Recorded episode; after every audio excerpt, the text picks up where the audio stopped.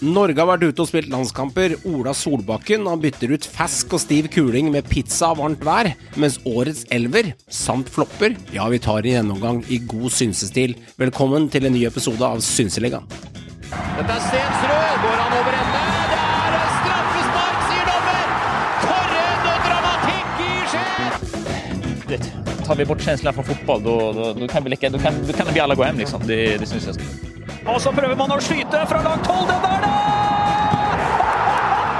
For en helt sinnssyk skåring av Kristoffer Ødemarksbakken! Det ene slaget på trynet etter det andre, men allikevel så har vi, vi har troa. Vi har fremdeles troa. Vi skal være seige vi hele, hele veien ut. Her er Tengstedt!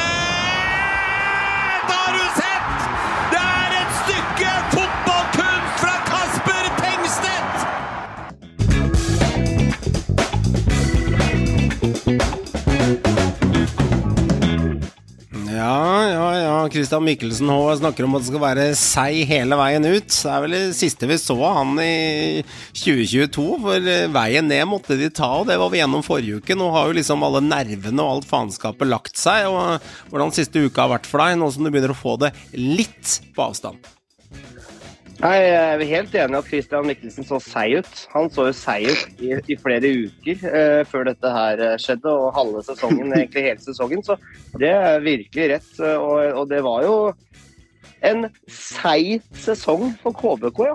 Det, det skal sies. Og, og nå, har vi, nå sitter vi jo også med fasit i hånd. og eh, Sandefjord de, eh, de klarte seg, de. eh, Over to kamper. eh, Ganske lett også, faktisk. Over, over Kongsvinger. Og det ble rett og slett Det var sjakk matt etter første, første runde der, med 4-0. Sterkt. Og, og viste at det var stor forskjell på eh, kvalik i Eliteserien og sjetteplass for Obos. Det var stor forskjell når det kom til stykket.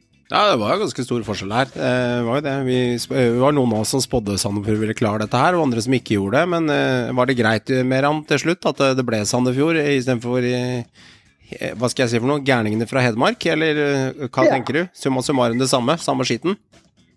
Nei, altså for, for å tenke litt sånn idiot-supportermentalitet, så tenker jeg jeg er fornøyd med Sandefjord. Fordi okay. det er eh, en liten kortreist bortetur, da. Eh, så sånn sett er jeg litt fornøyd med det. Mm. Og så tror jeg nok helt ærlig at hvis Kongsvinger hadde rykka opp, så hadde det vært hakket verre enn Jerv igjen, for å si det sånn. Jeg Verre enn hadde- Jerv- verre enn Jerv går ikke vel? Jo, jo, men Nei, tanken verre enn på- Jerv. Jo, jeg tror helt ærlig det. fordi at eh, de rykka opp fra PostNord i fjor. De hadde ikke vært rigga for fem flate øre og rykka opp til Eliteserien. Mm. Jeg tror de hadde vært tidenes båndlag poengmessig også. Jeg, jeg tror ikke de har så mye økonomi der borte heller. Mm, mm. De måtte liksom stort på Adem Gyven, 36 år, liksom. Men Fortsatt. sånne ting. Men altså helt ærlig, jeg tror det er bra for kvaliteten, nesten. Altså, selv om Ja. ikke Sandefjord er noe stort lag, men det var jo klasseforskjell på disse lagene. og det jeg synes på en måte at Når de klarte å få den kvaliken Sandefjord, selv om de har vært ræva i store deler av året, så syns jeg på mange måter at det var greit at de beholder plassen. Mm. Det syns jeg faktisk. Joakim, er, var det liksom siste stikket og siste sjansen for, eh, for Brann til å sikre seg off-keer i 2023, som er eh, min lille longshot-spådom, eller eh, spiller han i Sandefjord i 2023, Jo- Joakim? Nei, altså, først og fremst vil jeg bare skyte inn at jeg tror vel Sandefjord har klart å være dårligere enn det Jerv var i år tre ganger i Eliteserien. Så det går an å være dårligere enn Jerv eh, var i år. Ok, ja. Eh, eh, Ja, de har, altså, sånn Poengmessig er det ikke så gærent. Men eh, nei, jeg tror ikke, jeg tror ikke nødvendigvis var spikeren i kista. fordi jeg, eh, jeg tror vi alle ser Det er lite som tyder på at Sandefjord skal bli et vesentlig bedre fotballag neste år. Eh, De har vært på en nedadgående kurve i ganske lang tid nå. De har liksom vært liksom der nede, om ikke helt nede, så liksom vært nede og vaka og liksom hatt dårlige sesonger. Dette er vel tredje sesongen på rad hvor de på en måte har slitt ned mot bånn. Eh, Så om han går, hvis han får litt mer cash og får litt mer kanskje et lag som han Off-keer, ja. Off-keer, ja. får mer, ja, og få et lag som har litt mer føler han har litt mer muligheter for å slå fra seg litt høyere opp på tabellen, så tror jeg absolutt han kan gå. Mm. Jeg tror ikke det er noe negativt til det. Ellers er jeg enig med de andre at eh, Jeg vil bare velge litt, fordi at det var mann 4-0, men nå husker ikke jeg helt i hodet om jeg tippa 3 eller 4-0 forrige podkast, men jeg tror jeg var ganske close til det. Ja, stemmer det. det. Den skrev jeg ikke opp som noe konk, men jeg tror du enten traff spot on eller ett mål unna. Så du, du er viser styrke. Ja, tre eller 4-0. Altså, jeg vil bare skyte inn den, siden jeg ikke vant noen av de andre. Jeg husker du sa da går jeg opposite i forhold til alle andre, og så kliner jeg til og med en skikkelig hjemmeseier til Sandefjord, sa du. Ja, jeg mener det var noe sånt. Sterk den. Altså, det er allerede bekrefta rundt Ofkir at Viking har jo vært veldig på. Og jeg tror at holdt jeg på å si, halve Eliteserien, kanskje da fra, fra midten og nedover, da. Og kanskje litt, litt, litt nyopprykka lag og sånne ting, som kanskje Brann, ikke sant, som du hevder liksom, som er sånn liksom wildshot der, eh, Krog. Det, det kan jo godt hende at det, både nyopprykka lag og kanskje også nesten halve eliteserien er keen på en sånn spiller. For når du, liksom, når du scorer nesten en 15 mål for et, en dumpekandidat, så er jo det meget sterke tall av Ofkir. Og dette er jo en spiller som på en måte virkelig da, Dette er en spiller som har vært kjent i mange år, men nå, nå er han sånn, fått virkelig sånn eh, gjennombrudd sånn stabilt. da, Levert stabilt, veldig bra, Yes. over én sesong. Og det har jo han på mange måter aldri gjort. Det har liksom vært en litt sånn rykk og napp, men nå har han jo altså Det er jo en kjempesesong av Ofkir, sånn isolert sett. Mm, mm. Ja. Nei, det er jeg utelukkende enig med deg i, Håvard. Faktisk veldig godt oppsummert. Føler det er liksom første gang han virkelig har fått stabilisert seg. Så den, den, Mm. den steller jeg meg helt bak. Og jeg føler jo også det at han stiller med såpass sterke kort at hvem veit? Han. Altså, han kan fort finne på å ikke spille Eliteserien 2023, tror jeg. Og han har vært veldig klar og tydelig på at han, Ja. Han drømmer jo om å kunne få en ny mulighet ute igjen. Og, og Mm. med riktig agent og med riktig marked, og med de statsa han hadde nå i år, så er det er fullt mulig, det. Ja, så spiller han på et fotballag som ikke er Molde, Bodø-Glimt og Rosenborg, som produserer mye, men han spiller på et lag som eh, Det er få muligheter, han må være fremadtonende, han må ta ansvar. Eh, men jeg husker noen spillere med tiden, vi som har fulgt med litt, ikke sant. Eh, og husker du eh, Var det Alexander Ødgaard, Håvard, som gikk fra Sogndal til Rosenborg? Skåra tolv mål et år for Sogndal i 2001-2002. Kom til RBK, han så ut som en saftblander etterpå, og borte blei han, så det kan skje. Fikk til, lands, fikk til og med landskamper Alexander og skårte til og med mål for Norge. Ganske frekk skåring å huske. Stemmer det? Eh, men han gikk jo til Viking, og så gikk han vel hjem igjen til Sogndal. og så ble det bare helt eh, sånn det var, det var på en måte hans eh, fame de sesongene i Sogndal der. Der var en toneangivende spiller i Der var- flere der år. var han men- men der var han sterk. Christ, Norges Christian Vieri var han. Det er det han var. Men altså, det er jo ikke noe unormalt. Christian Vieri var for øvrig klassespiss. Ja, Selvfølgelig. altså Det, det er ikke vits å nevne engang. Altså, hvem, hvem er det du snakker om? Hvem er det hvem er det snakker om? Jeg vil, jeg, vil, jeg vil ikke sammenligne han og Alexander Ødegaard helt, altså. Er- er. Hvem er det dere prater om? Christian Vieri? Christian Vieri var jo beist mer han. Har ikke hørt Det var om dårlig det. Sammenligning. Nei, jeg er ikke enig. Ja. Men poenget mitt da, er at det er ikke noe Finne på spillet, Ja, dere. det, er ikke det er ikke noe unormalt, da. Eh, fordi det er noe med det å være stjerna i et eh, mindre lag uten press, og hvor du på en måte spillet går rundt deg, da. Eh, men det betyr ikke nødvendigvis at du fungerer i en større tropp med bedre spillere rundt deg, hvor det er mye mer konkurranse. For Det det, har bare det har både å gjøre med deg psykisk, hvordan du takler den konkurransen som er rundt deg, og det med rett og slett det at du, det er bedre fotballspillere. Og da kan du jo også bli avkledd for at du kanskje Du var god, ja, men du er ikke så god. Og så sitter fotball veldig mye i psyken, dette har vi snakka mye om. Og hvordan takler du konkurranse? og Nevnte Ofkir, Kiel, han har vist det før, han, at når han da presterte veldig veldig godt i Obos for Sandefjord, gikk til Sarpsborg, skulle ta det neste steget, blei en av mengden, havna Mm. på benk. Det var store forventninger til Ofkir da også. Mm. Det takla han ikke. Dårlig i Sandefjord, eh, Sarpsborg. Tilbake til Sandefjord. Der er han trygg, der er han får han selvtillit. Han får, han får tillit over tid. Presterer. Og det der, den, den lista der er jo lang på spillere som Ja, på en måte har gjort det bra et sted, mens flopper når de kommer til en større klubb, f.eks.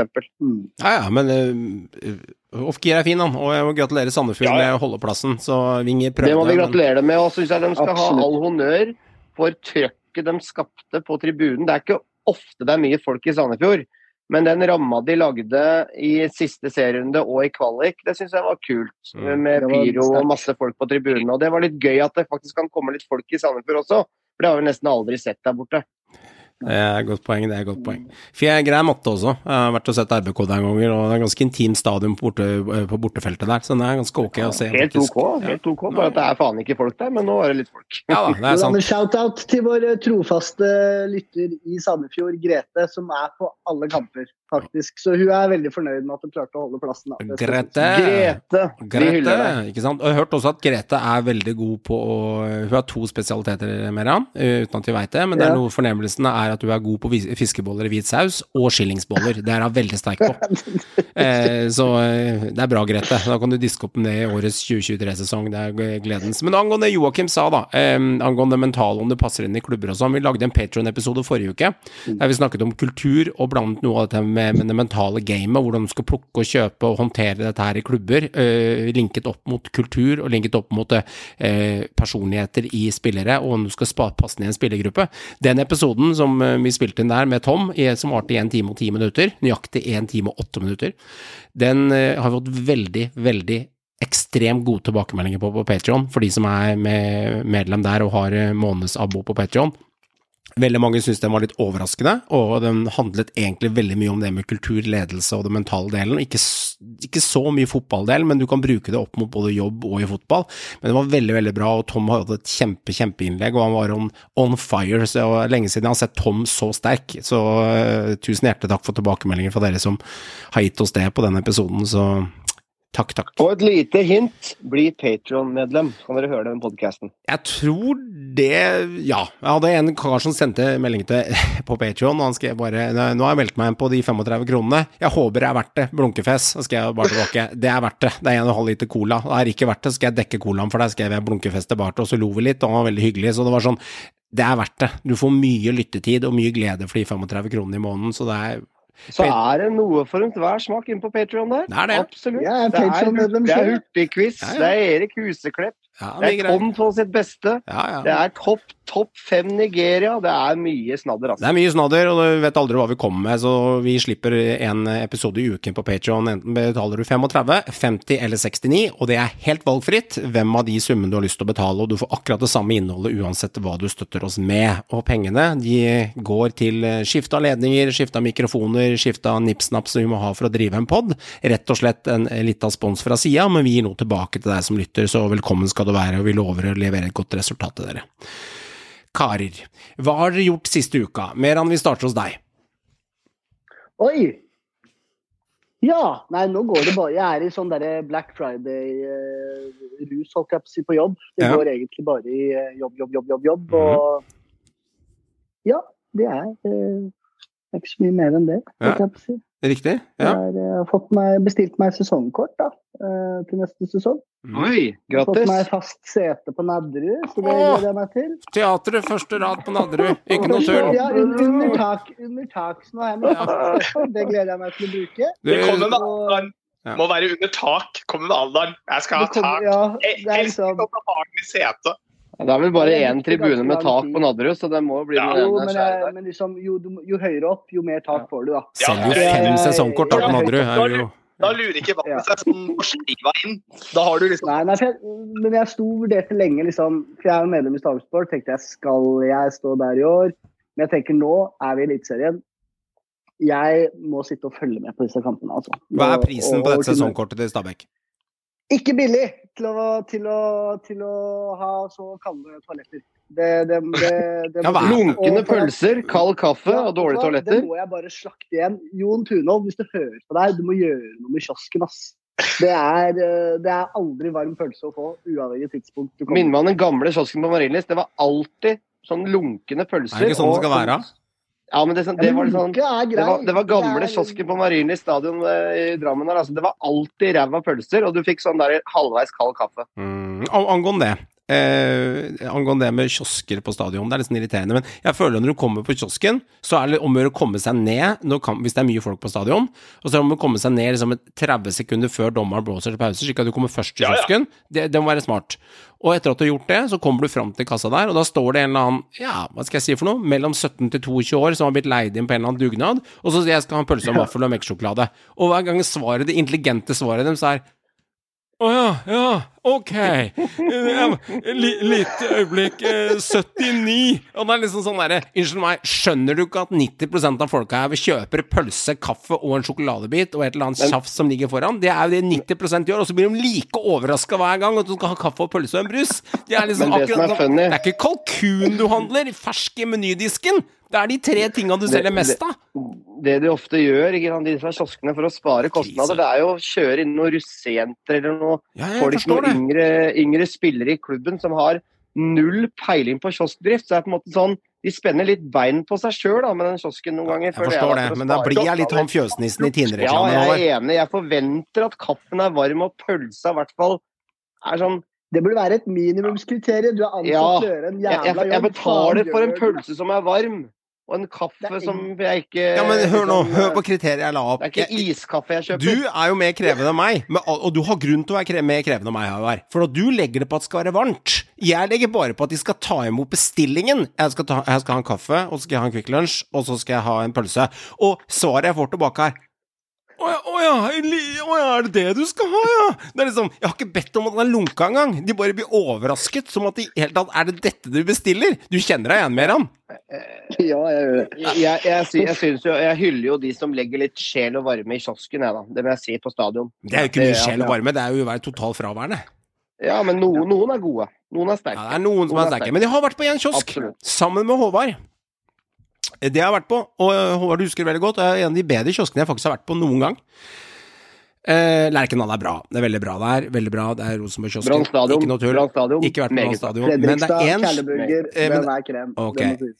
Fredrikstad. Men det er én kiosk jeg var på som faktisk var meget sterk, og det var eh, hjemmestadion til Hønefoss, når vi så Brann Hønefoss over for mange år siden, når vi tok kjøreturen sammen. Husker Hønefoss? Og der Det var Hønefoss er i ligaen, og jeg mener det var 2013 eller 2012 eller noe, og der leverte kiosken Ja, det, det, var, det var til innertier. Veldig, veldig Leif bra. Vidar. Og, du, og du er, det er Leif Vidar, vet du. Ja, men det var ikke det bare det at det var Leif Vidar. Det var det at det var eh, de, de som sto i kiosken også hadde peiling. De snudde seg med en gang. Ja, jeg klarte å ta kaffe, ikke noe tull. Er det to eller en pølse? Ikke sant? Det var sånn der, de bare tømte De deg for penger. De var Og jeg vil meget si- forberedt. Når du har noe, noe bakeverk, noe Ja. nybakt boks Ja. i kiosken, Ja, det er pluss. ja det er jeg enig i. Enig. Meget pluss. Nå er ikke det så rart, da, siden halvparten av Hønefoss jobber jo med kiosk. Så Ja, sant. Alle Nei, det er ikke er bare. Hønefoss, men det er, det er mye. Jeg syns faktisk også Ullevål, Ullevål stadion, de, er, de skjønner eh, eh, å å- å på en måte loppe mulig penger, mest mulig penger av, av kundene som er på stadion. Der, der kjører de på på Ullevål. Der, der er de bra. Ja. Det, det må jeg si. På landskamper og sånn, veldig bra utvalg og masse åpne kiosker over hele stadion. Det er, de- det de gode på. med utenlandske stadioner nå, skal vi ta Europas beste kiosk også? Nei. Det gjelder ikke. Vi driter, vi driter i Europa. Det er uinteressant. det, Vi er- driter i Europa. Ja. Det var ikke poenget, men det er greit. ja, det er. Men Meron, siden vi var, vi var jo inne på Stabæk, din, ditt kjære Stabæk. Gratulerer med ny spiller. Jo takk! Haugen! Fredrik! Fredrik Haugen er tilbake. Haugen. Har dere Jeg er tilbake. Eh, Jeg skal være helt ærlig. Jeg, jeg følte at han hadde Floppa et år nå i. Ålesund. Hvor eh, Ja, som, jeg, jeg vil også si det. Det var flopp. Det er ikke noe annet å si. Men samtidig tenker jeg eh, jeg, jeg, jeg jeg er fornøyd med at vi får en rutinert midtbanespiller. Jeg bare lurer på hvem skal ut i så fall. Fordi hva er det han på en måte, altså Hvis du stiller han inntil si Curtis Edwards, da. Det er ikke så stor forskjell. Mm. Eh, vi har Fredrik Krogstad. Jeg, jeg er litt sånn Litt sånn okay, Fredrik Krogstad-spiller, Fredrik Haugen. Ja, men samtidig tenker jeg han, det er noe ved Fredrik Haugen. og Hvis vi klarer å utnytte det, hvis vi klarer å få det fram, hvis han klarer å holde seg skadefri, hvis han klarer å ha kontinuitet så Han var jo formspilleren året Ja, vi gikk ned, når han kom det halvåret. Så, så hvis han klarer å være på det nivået, så er det jo kjempebra. Og Så får vi se hvorfor det gikk så dårlig som det gikk i Ålesund. Kanskje det er Ja. årsaker bak Men det. jeg, å, årsaken tror jeg er Lars Arne Nilsen. Det er litt sånn ironisk at han valgte å gå til den treneren som virkelig ikke ga han tillit i Brann eh, og Bergen. For det var ikke noe god, god kjemi mellom Fredrik Haugen og Lars Arne Nilsen med tanke på ferdigheter og, og spillestil osv. Og, og, og samme spillestilen er det jo Ålesund, kanskje bare enda mer kynisk og litt trist. og det en litt Ja. sånn leken, kreativ spiller som Fredrik Haugen, han passer ikke inn i et sånt lag. Så jeg tror at han og Stabæk det er en mye bedre match.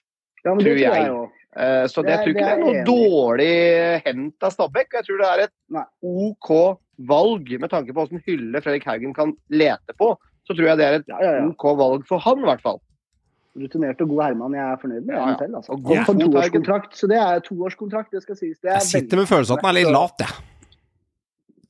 Ja, vi får er se. Det er ikke noe tull under er Lars. Bohinen. Det kan jeg bare si med en gang. Jeg, Ja, ja. jeg, Men jeg tror ikke han er noe Han, er ikke noe, han kommer ikke til å være noe bankers i elveren, men at han kommer til å gjøre en OK jobb, det tror jeg. Ja, det er bare Jeg føler liksom at den tiden er Jeg, jeg føler liksom at den tiden er litt forbi. Altså Han er, han er jo over toppen. Men det er, det er på mange måter siste mulighet. da. Det er som bestemora mi sa, han er over middagshøyden. Det er han.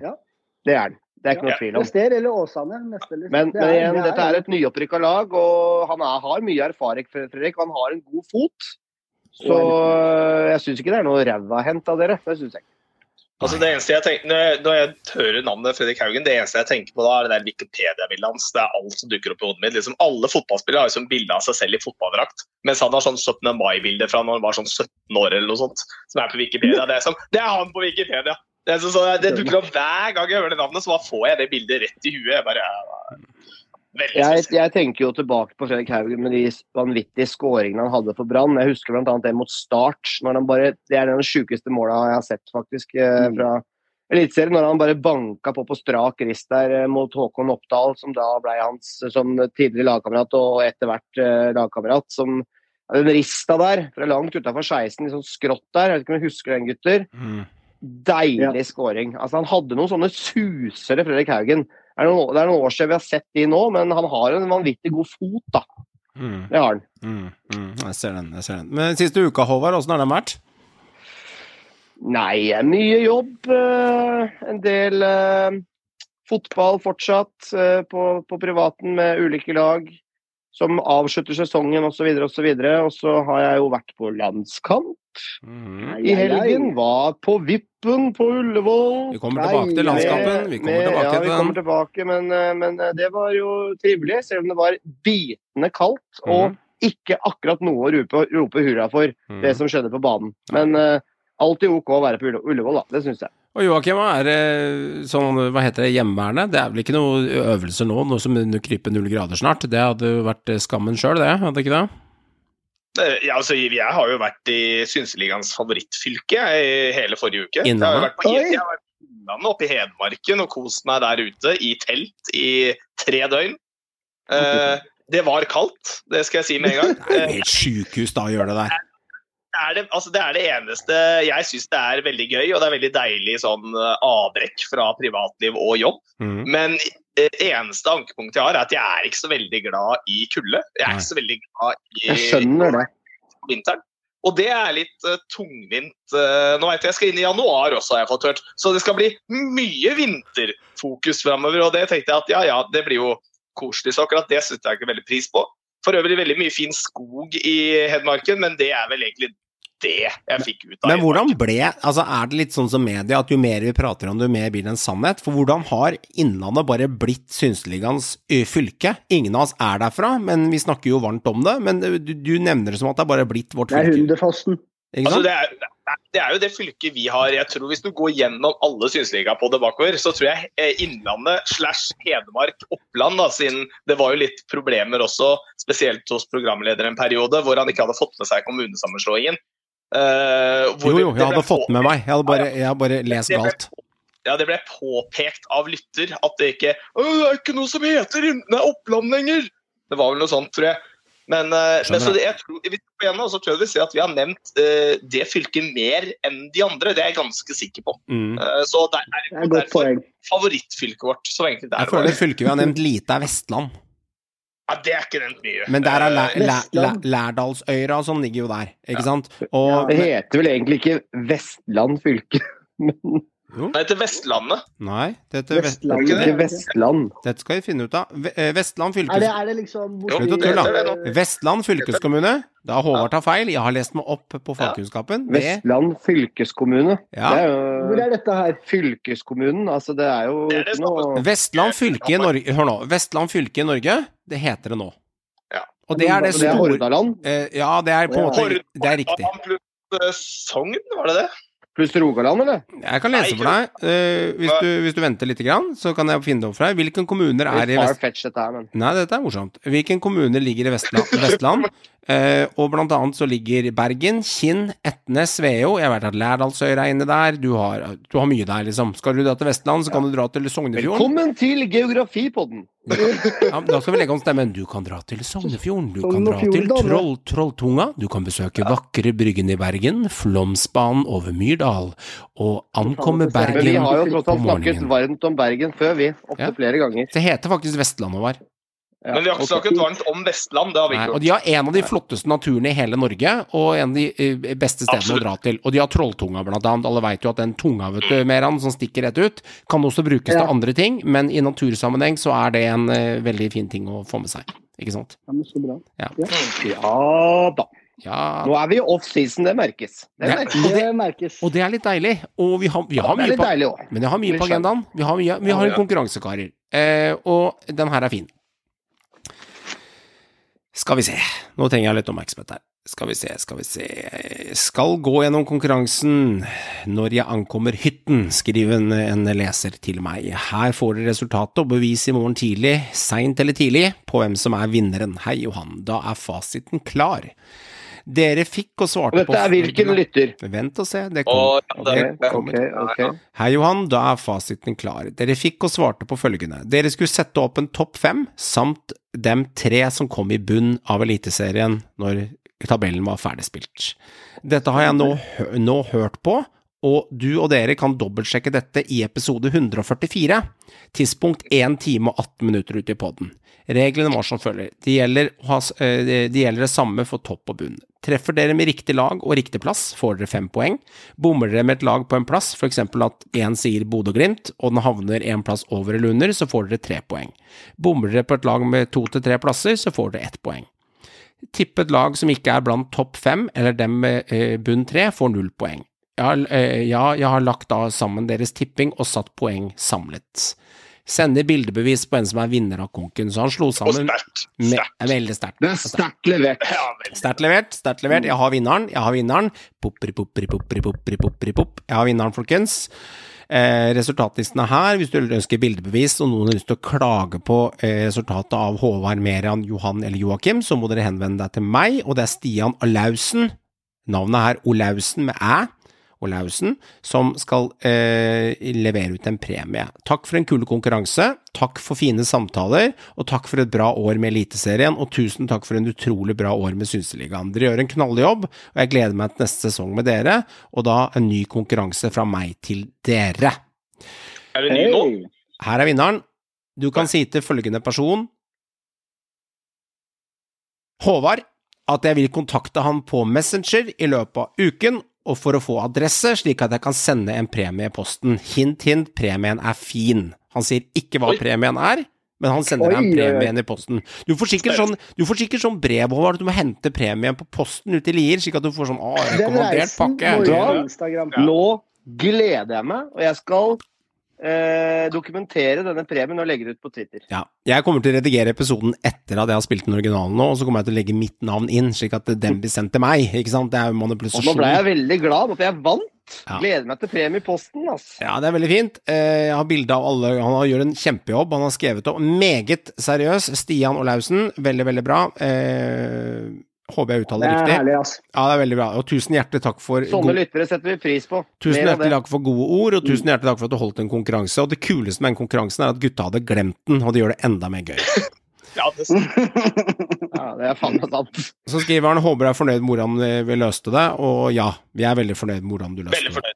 Så poengstillingen ble som følger. Håvard, du tok uh, knockout på alle, 31 poeng. Johan, Johan 19, Joakim 18 og Meran 11. Hva var spørsmålene igjen? Jeg faen har glemt Nei, det. det var topp fem og bunn tre. Mellomsiktet var, var helt uaktuelt å bry seg om. Det var det, det, var det som betydde noe i Eliteserien. Ikke niendeplassen, Ja. liksom. Så, um, eller den utskjelte sjuendeplassen. Så Stian Olaussen, tusen hjertelig takk. Eh, setter veldig pris på det. Og sånne konkurranser syns vi er veldig, veldig gøy. Eh, han er en veldig fin fyr. Jeg har diskutert eh, flere ganger med han, og han er eh, hyggelig å skrive litt med. Så sånn setter vi pris på. og Hjertelig takk igjen. Norge. Altså, de to kampene her, gutta, de brukte ikke jeg tid på. Og det er veldig, veldig enkelt. Ikke Ve ikke er. Og det er veldig enkelt. Ikke for at det liksom Det spilte ikke. Ikke for at det Nei, det handler om det. Brautebass. Gullungen. Jeg gidder ikke. Altså, Gullungen, Brautebass, den største skattebetaleren vi har, spilte ikke. Og da, da er det egentlig ikke interessant. Vet, Vet du hva som er interessant? Det er litt funny, faktisk. Det er at uh, i den bortekampen i Irland, så tror jeg det er ganske mange irrer som følte seg snytt. Det var jo solgt Altså, det er en stadion. De, de hadde solgt 45 000 billetter til en privatlandskamp mot Norge. Hvem tror dere de hadde lyst til å se? Tror dere det var OI? Nei. Tror dere det var uh, Jørgen Strand Larsen? Oi. Mats Møller Dæhlie! Det var Brautebass. Og han, han var i Barcelona og ble pleiet på benken. Da leser de ikke aviser, eller? Nei, men altså, det, det kom jo tett opptil. De er taktiske òg, vet du. ikke sant? Ja, ja, ja. Og på. Ullevål også, selv om det ikke var voldsomt bra. Det var solgt 15 000 billetter. Jeg var jo på kampen. Og det er ikke så gærent mot Finland i november. Nei, Altså. det er, det er ikke Jare Lippmann som spiller her. Nei, og det, og Oi, det er tross alt en pri privatlandskamp, privatlandskamp i november. Det, det føltes som ti minus på den tribunen. Altså, det kan jeg si. Jeg satt der med ullpledd. Mm, Ullpledd og frøs ræva av meg. Ja. Så Ikke eh, det var eh, rett og slett en nitrist fotballkamp. 1-1 mot Suomi, Finland. Vi lå under 1-0. Vet dere hvem som skåret 1-0, gutter? Det er en liten eh, for å se om dere har fulgt med. Hvem skårte 1-0 av Finland? Gamle Brann-spilleren. Gamle Brann-spilleren. Nei, dere bare tipper. Det var Viking og Haugesund-floppen Benjamin Kjellmann som knuste Leo Skiri Estegård i duellen 1-0 til Finland. Mm. Han var faktisk han er skikkelig plugg, han Kjellmann. altså. Mm. Egentlig litt overraskende at han ikke slo til i Eliteserien. Mm. For han har gjort det ganske bra i etterkant, og nå Ja. gjør han det ganske OK i polsk fotball. Men til og med en Pascal Simpson satte ned en skåring på Barcelona i åttendelsfinalen i serien i cupen en gang i tida, men ja, ble en men la oss flopp ikke i dra Vålerenga. fram Pascal Simpson, for den referansen er far-fetch. Ja, men du skjønner hva jeg mener. Det Men, er, men, funny ja, det, som er, det som er poenget, da, Benjamin Kjellmann han hadde potensial til å lykkes her i Norge. og Han floppa i Viking, var OK i Haugesund, Mm. men har gjort det OK i etterkant. Så det, han gjorde en god figur, altså, faktisk, Mm. på topp for Finland. Det må jeg si. og jeg ble, sånn, For å snakke litt om kampen, så ble jeg faktisk positivt overraska over Finland. For i første omgang så spilte de ball i hatt med Norge. Mm. Sånn, ball, i hvert fall sånn ballinnehav. Mm. De skapte ikke voldsomt mye, men de hadde klart mest ball. Og Sørloth tapte alt av dueller på topp. I andre omgang så var det et helt annet norsk lag. Og uh, skåret en fin skåring med, med nevnte Sørloth, som får en tap-in der. Bra Ja. forarbeid av Markus Holmgren Pedersen. Okay. Og så har jo Norge selvfølgelig masse ballinnehav og har mye store sjanser, men klarer ikke å avgjøre det. Og, og nok en gang, for ikke snakke i hjel den litt kjedelige kampen, så er vi jo meget, meget litt for mye avhengig av Breit Haaland. Det er ikke noe tvil om. Men det var ikke moro å sitte og fryse. Det var ikke det. Jeg må innrømme det. Ja. Selv om jeg er veldig glad i å se Norge og være på landskamp. Ja. Men jeg må si at det som veide veldig opp på den opplevelsen, det var at vi satt på vippen. Gratis pølser, brus, alt mulig sånn. Bare trøkke i deg i pausen og før kamp. Det var selvfølgelig noe som jeg tar med meg i den opplevelsen. da. Jeg skjønner. Trøkkefest. Men eh, Joakim ble imponert at jeg kunne Jare Littmann. Ja, nei, altså, altså, Du er jo fotballidiot i negativ fortegn når det kommer til alt som går utenfor Norges Men landegrenser. Jari hadde du fått med deg. Det var Jari Littmann hadde du fått med deg. Eh, ja, Men husk på, eh, husk, på, husk på en ting. Dette er viktig. Håvard veit at de er egentlig hakket sterkere enn de har uttrykt Ja, på dette. her. vi Jeg husker noen jævler.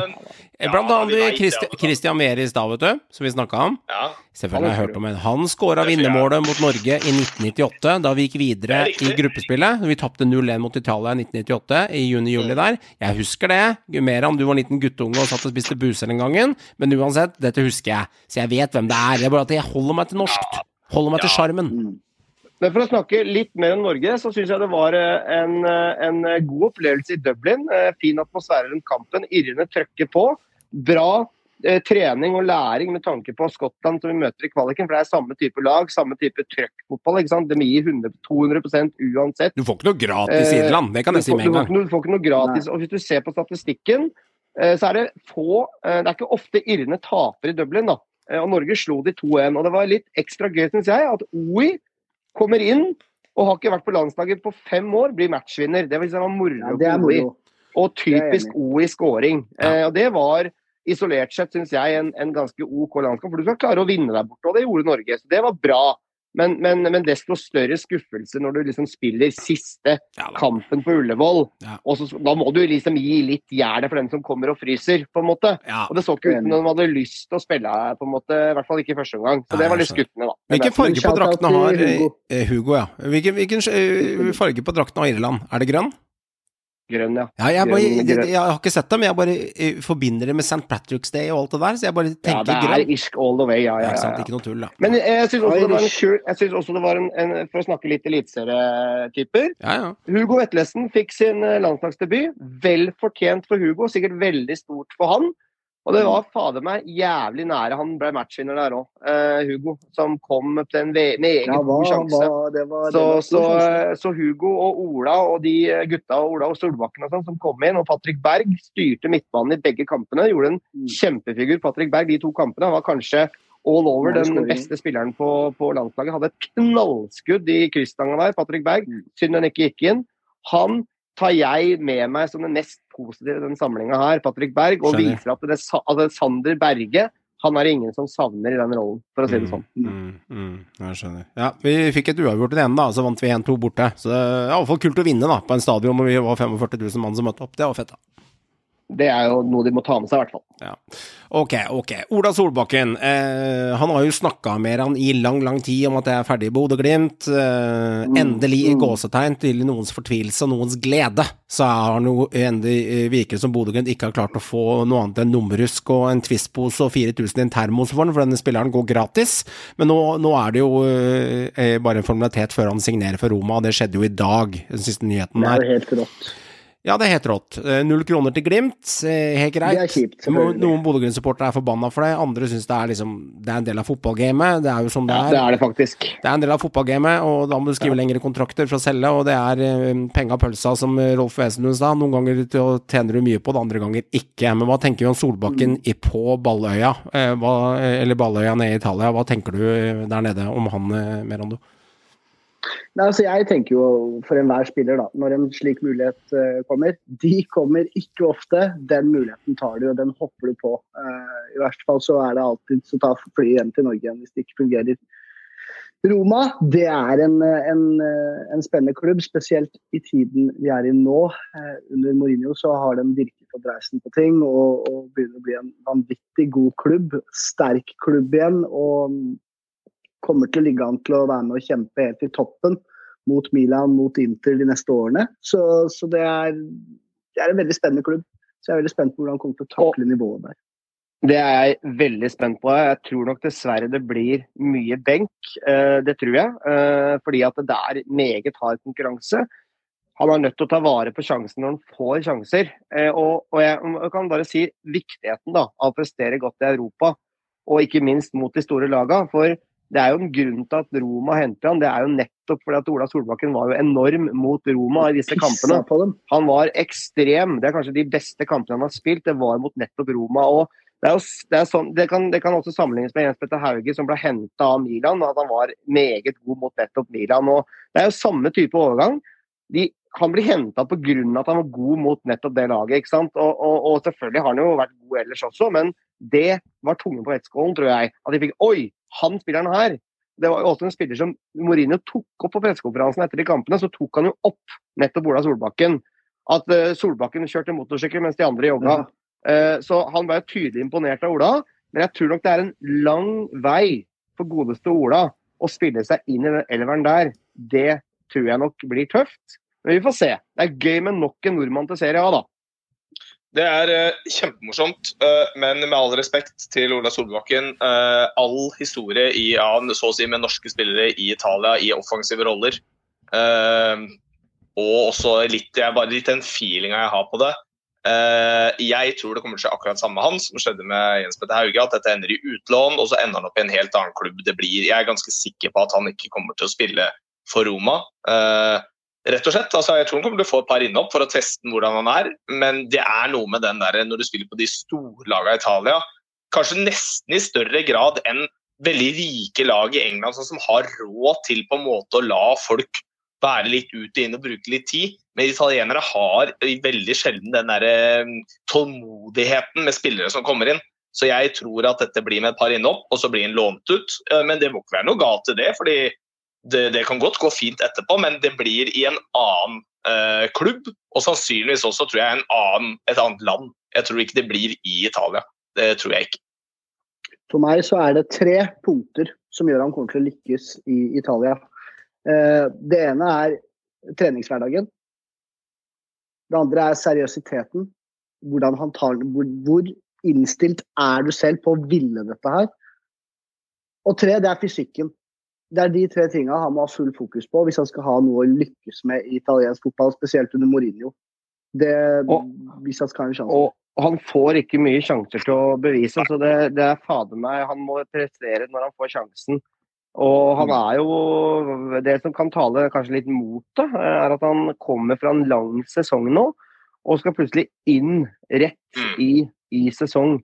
Og har slitt med skader, Ola. Han kommet seg bak tilbake på et bra nivå nå, og fikk også belønning med å bli tatt ut på landslaget, og faktisk var ganske OK eh, han, eh, mot, mot Irland, syns jeg. Når han starta mot Irland borte. Eh, starta på høyre kant. Eh, det er jo også selvfølgelig et pluss i boka at du har spilt deg inn på Norge igjen, selvfølgelig med gode prestasjoner. og Ola har vært god i Europa for, for Glimt nå også i høst. Men jeg tror den, den veien opp i elveren der, den er lang, altså. Den Men- er lang. men jeg, tror, jeg, tror, jeg, tror, jeg tror også det, at det ender med et utlån om ikke så for altfor lang tid. Ja, Hva jeg tjener en spiller, hva, hva, en spiller som han da eh, signerer? Fordi altså, Jeg skjønner han ikke er noen overgangssum her, men hva ligger det lønn på der? Altså, Han eh, kommer til å mangedoble den lønna vanvittig. ja, altså, det- det gjør han, altså. jeg spør, er det 10 mill. i året? Er det 15? Altså, Nei, jeg tror, jeg, tror, jeg tror en sånn klubb som Roma, det, det, der tror jeg han, han, eh, han kan nok eh, le hele veien til banken i forhold til hva han har i Glimt. Okay. For å si Det, sånn. det, det, det, altså det er det ikke noe tvil om, men det er ikke så mye penger i italiensk eh, Serie A i, i lønn, faktisk. Eh, hvis du I, i toppklubbene, i toppklubbene er det det. Nei, ja, men, ja, men selv i de toppklubbene, altså så lag som eh, Juventus og Inter og Milan har ikke sjans til å konkurrere med andre klubber. Så det er ikke sånn at Ja, altså, vi- ja, men Vi snakker med Johan, da, sånn som du tenker. da, Reservespillere i Roma har ikke 40 mill. i året, liksom. Nei, det er derfor jeg spør. Men ja, Nei sånn, sånn, de tosifra, altså 10-15 mill. i året, ja ja, det, det, ja. det får du. Det- det. Rundt 80 000-90 000 i måneden, er det liksom for lavt? Eller er Jeg- det 80 000-90 000 i måneden, det er jo Hø Helland! Er du Altså, altså- Altså For å si det sånn, han, han, jeg, skjønner jo at, jeg skjønner jo at Ola drar når en sånn klubb kommer på døra. Ja ja ja, selvfølgelig. Det gjør man jo. Altså, Han har sjansen. Enhver idiot hadde jo eh, Det er bra mer liksom. enn 80 000-90 000 i måneden. Det vi snakker om? Det er vekslepenger. Nei, unnskyld, uka mente jeg. Ja, da Altså, du har jo ikke, du har jo ikke, du har jo ikke liksom Rooney-lønn, liksom. Med, med tre Jeg tipper et sted mellom eh, 10 og 15. Ja.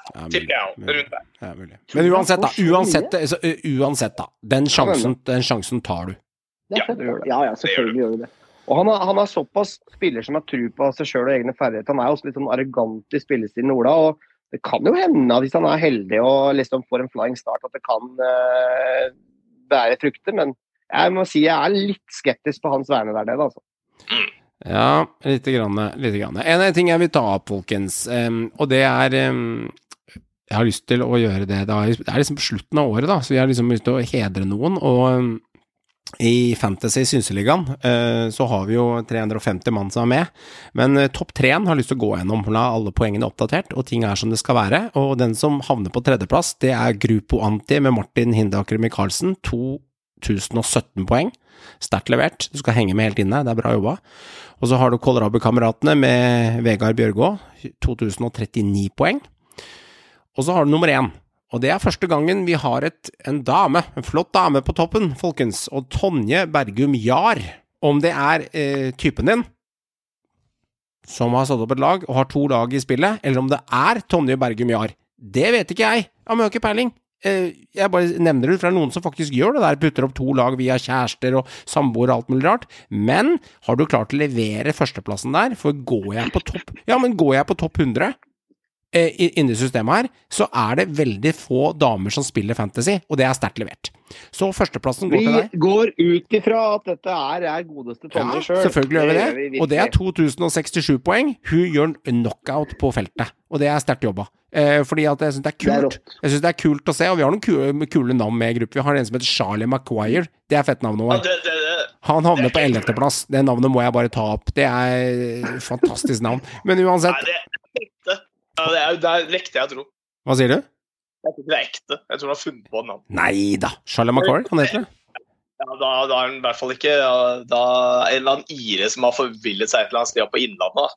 Som har begynt å se på norsk fotball istedenfor engelsk. Uansett. Han, han, han heia sikkert på Blackburn eller noe Sikkert nordlending. Eh. Men vinneren av Fantasy, vinneren av Fantasy 2022 er Tonje Bergum Jahr, 2067 poeng. Eh, godt levert. Gratulerer. Det er fame og heder, altså. Det er sterkt jobba. Det er sterkt jobba. Karer eh, Det har vært litt diskusjoner mellom oss med dette hvem som skal være inn på dette årets lag. Og vi har jo diskutert litt om vi skal spille 4-4-2, om vi skal spille 3-5-2, om vi skal spille 4-5-1. Altså, vi vet ikke. Vi har havna på 3-4-3. Og så diskuterte vi litt om vi skulle Moderne formasjon, vet du. I vinden. Og så diskuterte, diskuterte vi litt grann om vi skulle kjøre um, Ja, åssen blir det? Om vi skulle kjøre hver for oss, eller om vi skulle kjøre en felles-en på diskusjon rett i poden. Og vi syns kanskje det er stiligere å kjøre den rett i poden, så folk kan høre litt argumenter. Vi kaster ut noen keepere, vi blir enige, og så setter vi opp en elver pluss fem stykker på benk. Så noen kommer vi til å være klink enige om. Andre kommer vi til å ha diskusjoner om. og Det er viktig at alle deltar. Eh, Joakim, Meran, inkludert meg selv og Håvard. At vi sier fra hvis vi ikke er enige, og så setter vi opp en elver, og så tar vi den til slutt. Så vi skal ha 16 spillere nå som skal inn på dette laget. Og så er det ikke vits i Ja, å nevne 48 mann, folkens, for vi kan ikke ha plass til 48 mann. Noen må vikes. Men vi kan starte i Men la oss begynne bakerst på keeperen. La oss begynne i buret. Ja, Da har jeg et, da, da har jeg et, uh, et forslag. Ok? Uh, Dette, dette er en mann som, som nå er ønska av store klubber i utlandet. Har spilt seg inn på det svenske landslaget og gjort en ekstremt god sesong for Odd. Leopold Valstedt føler jeg Han er- årets keeper. Enig. Mm, Det er ja. min mann Det er min mann også, som jeg har satt opp på mitt lag. Min òg. Jeg er uenig med dere. enorm. Ja, Men det spiller ikke rolle, for da er vi tre mot én. Ja, jeg skjønner, men- jeg- får ikke lov å komme med du et innspill? Men, men, men, Nei. hvem, vil du ha? Hvem er det du Du tenker? Eh, jeg mener i bunn og grunn eh, at uh, den som har redda flest straffer i Eliteserien, samtidig holdt clean shit nest flest ganger, og hele to ganger flere enn Valstedt, det er Lillestrøms keeper Mads Hedenstad Christiansen. Mener jeg burde ha den plassen. På grunn av han holder buret reint ni ganger og har redda to straffer i tillegg, og den andre har ikke tatt noen straffer. Jeg skjønner at Valstedt er bra, men han også har to tabber, som jeg husker tilbake på. Etter han begynte å bli skryta av media, så kom det to stygge. Det kommer alltid noen tabber. Det gjør det. Ja, enig, men jeg går for Mats Hedenstad Christiansen pga. clean sheeten. Karlstrøm har mer clean sheet, men han spiller på et jævlig godt lag som rydder unna det av Molde. Så min tanke er Lillestrøm-keeperen, så kan vi diskutere det. Johan, eh, jeg har fått en ny erfaring som gjør at jeg endrer mening. Ja. Um, og jeg vil også nevne at eh, tungen på vektskåla da, som gjorde at eh, jeg endret mening, Hå? det er at Hedenstad har skåra mål! Japp. Det har han også. Jeg, jeg er enig, jeg støtter deg, Johan. Eh, jeg- jeg går med på det skiftet. Ja, du er med på skiftet? Han er eneste keeperen som har skåra mål på corner. Det er bare gøy å ha gjort. Og i tillegg har han mest Men, eh, clean shit. Jeg skjønner at Valsted er bra, men det er min. Hedenstad Christiansen sammen med LSK hadde en nedadgående kurve i høst. Ja, men det, var det keeperens synes skyld? Ja, det er det. som snakka om i media at han ikke har vært like Tom har også nevnt det. Ikke vært like god og stabil som han var på vår. og Det har jo selvfølgelig noe med lag å gjøre, men all over syns jeg Valstedt har vært årets keeper. Mhm. Det er solklart hos meg, da. Ja. Jeg, og jeg er 100% enig med Håvard, for det har noe med det at Kristiansen hadde den første halvdelen av sesongen med et LSK-lag med det forsvaret foran seg som rydda Ja. unna ganske mye folk. Ja. Det hadde ikke Valstedt. Han hadde ikke det samme. Nei. Uh, han hadde ikke et Odd-lag som sørga for Nei, at det ble han var matchvinner. Her er vi steil, altså. Gode argumenter. Nei, vet du. Her er jeg, jeg, mener- jeg Skal du endre igjen med han, liksom? Hva skjer? Men du er jo faen meg reine jojoen her. Kan du ikke stå på det valget du hadde, så blir vi ferdig med den planen? Men gjelder ikke, gjelder ikke clean shit? Nei, altså ikke, Nei. for det har betydning for laget for meg, og der mener jeg at uten tvil at eh, Valstedt har hatt større betydning for Odd enn det Kristiansen har for LSK. Men jeg, jeg har Kristiansen på benk, det har jeg, Ja, det har jeg også. Der er jeg Jeg holder skåringa for høyt, ass. For meg. Nei, den skåringa driter jeg i. Det er som flaksemål Ja. uansett, på en måte. Nei, Eh, men uh, men eh, som, som rein keeper kvalitetsmessig, han har også spilt seg inn på Sverige. Uh, det syns jeg er veldig Ja, pluss. det er godt poeng. Ja. så Valstedt er hos meg. Altså. Så får Jeg står du avgjøre, med- avgjøre mer om du, om du vipper tilbake eller hva du gjør. For vi må på en måte bli enige her. Så ikke det drar for langt, langt ut. Uff, jeg liker ikke når det er jeg som må Nei, så står du stille, så får vi bare gå, vi får gå videre. Eh, Da må vi gå videre. Kan hvis vi komme du- tilbake til Nei, vi kommer ikke tilbake til dem. Vi skal bli ferdig med plassene. Men da kan jeg skjære gjennom og si Da kan jeg skjære gjennom og si følgende. Eh, det er greit, jeg kan gi meg på den. Eh, på grunn av det siste, ikke på grunn av hvem som er mest stabile eller ikke, for begge har gjort litt småtabber. Jeg syns begge har vært jævlig bra i år, men jeg gir meg på det at å komme inn på det svenske landslaget, det er en prestasjon i seg selv. Det. Det Og, skal og mye ikke minst som oddkeeper. Det er helt fint, Nei, og derfor så skrev, jeg skrev den først. Det Da blir han. kjører vi Valsted, han. eh, og så kjører vi Kristiansen på benk, selvskreven. selvskreven. Ja. Da går vi på eh, Vi skal spille 3-4-3. Dere må tenke posisjon, gutter. Da snakker vi treeren bak, og dessverre så må det enten ha en jævlig god wingback på den plassen til høyre, eller så må det kjøres tre Ja, midtstoppere. ja. Ja, altså du, du kan jo ha ikke sant? Du har jo en, en spillende stopper tre, så det, Ja. Ofte så er det jo en som styrer i midten, og så har du litt spillende stoppere Vær bak. så god. Sånn som f.eks. Birk Riise er i Molde og, og Rogers i, i, i, i RBK. Ja, Men men det skjønner jeg. en, en, en jeg vil kaste fram, Ja. eh, som jeg syns har vært eh, veldig solid, og som har vært en bra hærfører på sitt lag, det er Markus Henriksen. Jeg syns han fortjener å være i treeren bak. Ja. Så han mener at Markus Henriksen er én av tre forsvarsspillere i år som er Ja. på topp tre-lista. Det, det mener jeg. Jeg er i tvil om det. Ja. jeg, har ikke vært, jeg har ikke tenkt på han engang, i nærheten. jeg syns han har vært solid. Han er, jeg, jeg, kan starte, jeg kan starte hos meg, da, hva jeg tenker om det. Jeg er i Ja. tvil om det. Jeg er litt enig med deg, eh, men eh, sånn som det er mange her som banker på døra, men jeg er nok ehm, Ja, det er vanskelig, eh, fordi at du har andre i miksen her, men eh, jeg, jeg, er litt avventende til den, men samtidig så han, det, det, det er rett ved kistedøra, Håvard. Rett ved døra, altså. Ja. For min del. Men kan, kan komme med hver sin, da. ja, men kan jeg bare skyte inn én ting, da? Jeg skjønner altså poenget er 3-4-3, men du kan ikke ha et årets lag og droppe Dragsnes. Altså, det er bare Ja, men han er wingback. Han er Ja, på en annen posisjon. Nei, men jeg driter i det. Ja, altså, poenget han er si. Hvis vi bare har tre forsvarsspillere, og vi skal ha midtbanespillere Ja ja for, for meg så er det sånn no go. Det virker så jævla u... Vi, vi, vi, Men hvis ja, men eh, Joakim, vi er jo ikke ferdig med treeren, er- så det, det er helt greit, det. Eh, jeg skulle banka inn én gjennom der, så driter jeg at den er wingback. Hvis Ja, jeg skal greit. Ja, men vi kan drite i det. Det er men, mulig. det. men, du kan, men Dragsnes er jeg enig Hvis vi bruker den i treeren bak, så er jeg enig i Dragsnes. Ja, men jeg kan stelle meg bak. Dragsnes bak, gutta. Ja. Men har du et innspill mer han før vi har Dragsnes og Henriksen i Ja. potten? Jeg vil også kaste ut Kuruchai i miksen. Enig. Jeg er, Jeg, Ja. jeg, jeg er enig på Hassan Kuruchai Ja. Men så er det én til, og han her er underprata, og han er tatt opp opptil flere ganger som er en av hovedgrunnene til at Molde har blitt ekstremt god defensivt. Han er en ekstremt kynisk ryddegutt, og er en Ja. spiller som nesten ingen visste hvem var. Ja, hvem Han har henta inn, hentet inn som en backup før sesongen. Det er Eirik Haugan i Molde. Mm. Han går gjennom hos veldig mange eksperter, også i supportermiljøene, som kanskje årets beste stopper, og mange mente at han skulle inn i landslagstroppen nå. Han har vært Mm. dønn solid. Han er en sånn ordentlig sånn herlig sånn gammeldags stopper som trøkker til og er kynisk og jævlig og vinner dueller og spiller på det enkle. Og han mener jeg burde være der, og årets da soleklart beste lag som har sluppet inn minst mål. Så Mm. mener jeg at Eirik Haugan er krumtappen hos Molde bak, Ja. og han ville jeg ha inn på treeren. Ja. Jeg hadde han faktisk, både han og Kuruchai og Dragsnes. Så jeg kan Ja. stelle meg bak de tre jeg Jeg, jeg, kan, jeg kan bli med på å droppe Markus, og så kan jeg være med på Dragsnes, Haugan og Kuruchai. Ja, for det, er- det er også tre. Er du Ja. enig, Johan? Eh, Jeg er ikke enig i Haugan, jeg er mer enig i Linnes, for han har 30% flere kamper med clean shit for Molde. Eh, Så han, Men han er wingback. Ja, jeg skjønner, men, eh, ja, men jeg skjønner, men det her er en vurdering. For at hvis vi kutter ut han nå, så skal vi slite med å få han på midtbanen etterpå.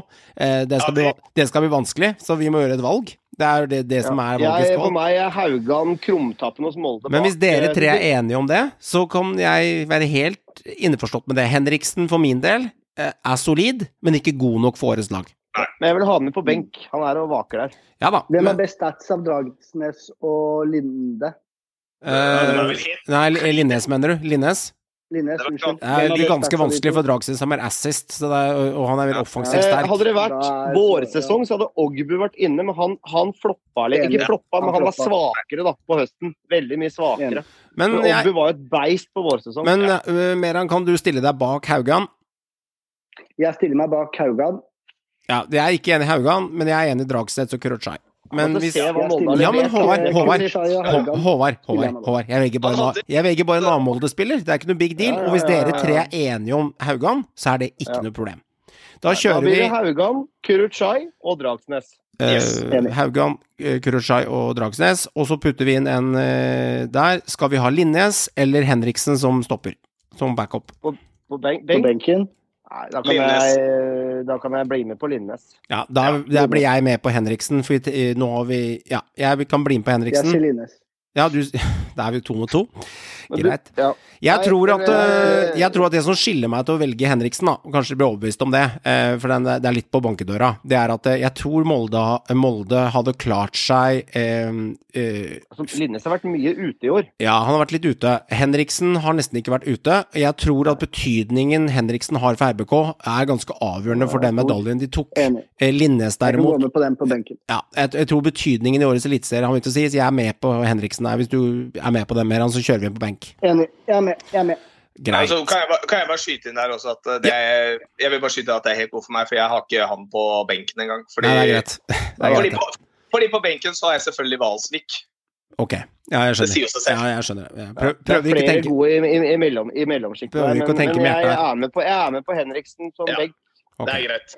Greit. Så midtbanefiler midtbanefirer, da. Skal Ja. jeg begynne? Ja. Eh, jeg har Carlo Holse, blant annet. ja. Vi kan vel starte med Holse og bare sette han inn, eh, hvis noen er veldig uenig Som i det. tilrettelegger, Nei, jeg- så Han På benk. Okay. Jeg er faktisk litt uenig, for jeg veit ikke hvor jeg skal flytte inn i fire, de fire som er der. Har du sett hvor vill han er på vinga, eller? Altså, han i, i, Men det er problematisk. Uh, Hvis Ja. du ser de andre spillerne på laget, okay. så er det problematisk. Men eh, da må jeg bare si følgende At eh, Carl Holse for meg er på den fireren, og hvis den er hos Meran og er hos Håvard, så skal det vanskelig ikke få den inn der. jeg, jeg Ja. blir med på Carlo.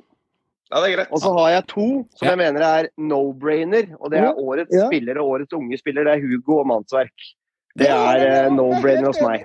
Det er no-brainer. altså De har vært enorme, begge to, de gutta Ja. der. Ok, jeg er, en, jeg, er- jeg er enig i begge. Joakim, er du enig? Eh, nei, jeg bare syns det blir litt uh, tungvint uh, å få inn Altså ja, kanskje, men Men hva er det du skal ha inn? vi, eh, ja, Nummer én så skal jeg ha en Heinz. Ja, det er greit. Han Det, er på Og. Han, kan, han blir jeg med på på høyrekanten da, i Ja. den formasjonen. Ja, Men da altså, står du mot er han og Ski, da. altså, Hvis du syns Holse er, skal være med, så syns Ja. altså, Heinz er en mye tydeligere person hvis du ser lagene de spiller på. Hos Men så sliter jeg med Ofkir. Helt riktig. Jeg har Ja, et ja, problem men vi med har at jeg vil ha ja. Men for hos meg, så, så ligger jeg og vipper mellom Tobias Heinz og Ofkir. Da må dere ta én og én og prate. Det har vært veldig fint. Ikke snakke i munnen på hverandre. Takk. Ja. Håvard? Hvis jeg må gi noen, så gir jeg bort Heinz. Nei, Ofkir. da sier jeg, kan jeg skjære gjennom, så kan Håvard ta ordet etter det her. Nå står vi med Holse, Vetlesen, Mannsverk og, eh, og eh, ketsjupkongen eh, Heinz. Mm. Hva tenker du? Start hos Håvard først. Er det noen du vil ha ut av de Ja. fire? Da vil jeg ha inn Heinz hvis jeg skal velge mellom Ofkir og Heinz. Så, så, så jeg er enig. Jeg vil ha Ofkir på benk da, men da, da går jeg faktisk for Heinz kontra de, Ja. de, de to. Ja. Riktig. Og Meran, eh, hvis jeg sier Holse, Vettelsen, Mannsverk og Heinz, er det et ok firer på midten for deg, eller er det noe du vil ha ut? Off-keer på benk? Eh, jeg skal være helt ærlig, min elver så er Heinz på benken og Gir uh, i elveren, rett og slett. Ja. I min, i min elver er Heinz foran off-keer, sånn som Joakim eventuelt. Da blir det Heinz. Du Joakim, hva også, tenker du om de fire? Nei, jeg er enig, og så putter vi Ofkir på benk. Ja. Det er, helt, det er innafor. Den, den går Ja. eh, Jeg har en til i miksen, men det kan vi kanskje droppe å krangle om. Men en som har vært Jeg vil, jeg vil bare nevne han. Han har vært ekstremt god. Litt underprata. Han har skåret jeg tror han faktisk skåret ni-ti mål som midtbanespiller. Det er Markus Kaasa, Mm. Molde. Han har vært jævlig solid for Molde. Han har vel skåret ni eller ti mål. Ja. Mener Eh, du på det er benk nå? Ja, han er ikke i elveren min, men han er og, han er og bobler der, i hvert Ja. Der er jeg uenig. ja.